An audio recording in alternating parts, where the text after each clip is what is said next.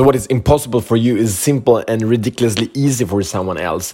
So when we are expanding, we're evolving, setting up new goals, we're achieving extraordinary things.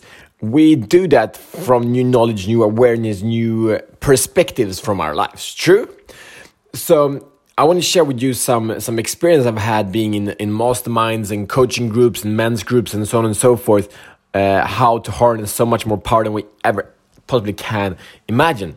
So, welcome to Show the Fuck Up podcast. My name is Matt Fyron, and this show is for men like you and me that are ready to free themselves from the prison of playing small and unleash our personal power and do that to create a meaningful life based on the four pillars to do that being purpose, passion, power, and profits. So, we want to all of those. We don't like, yeah, but someone else have to pay for it. We don't want to create uh, an aligned life but don't work uh, and don't put our life and our mission in line with that. We don't want to sacrifice and put our income on the side of that, and so on and so forth, right? We can create it all, we can have it all, and there's never been a better time than right now to do that.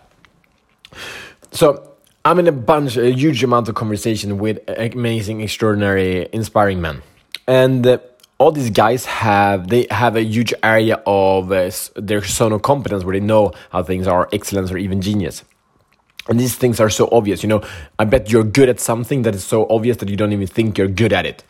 And that's cool that's great. But then there are these huge blind spots of like hey can one be good at this? So if we look at the men, culture of men, we uh, the past hundred years we have not been the guys who know you know about relationship. We know how to create transactions where there is a winner and loser basically. Sometimes two winners, but we are good at these things. But when it comes to the, the soft parts of, of say being in in family, we don't know that. We don't know how to create an ecstatic relationship with our partners. We do not know how to live our soul's gift.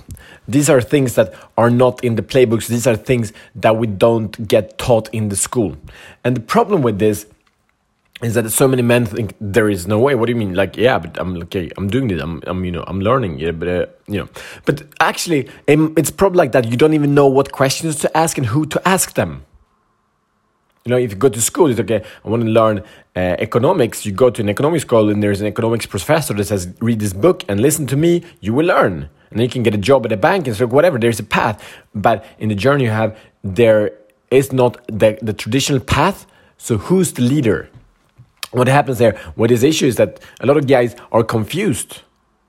You know, I spoke to the guy last week, and he's close to end up in divorce and that sucks because he's a great guy and, and his wife is a great woman. But the thing is, he doesn't even know that there are tools out there to not make that happen. And at the same time, I had a conversation later today with a, with a woman regarding in business, and she's evolving her business. She's doing great in so many ways, but she's on the other she doesn't know how to move it forth. She doesn't. She has some ideas and tactics, but there's so much gray area of what is next.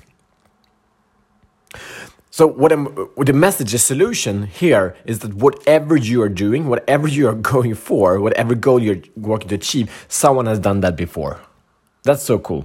Someone has done it before, and it's quite likely it's only a mouse click away. So there are so many people who has done it, and or who knows someone who's done it. Like you know, I read about 75 books a year. So then those 75 books, I get taught of someone who's done something, has an insight, of experience from a perspective that I didn't know before right?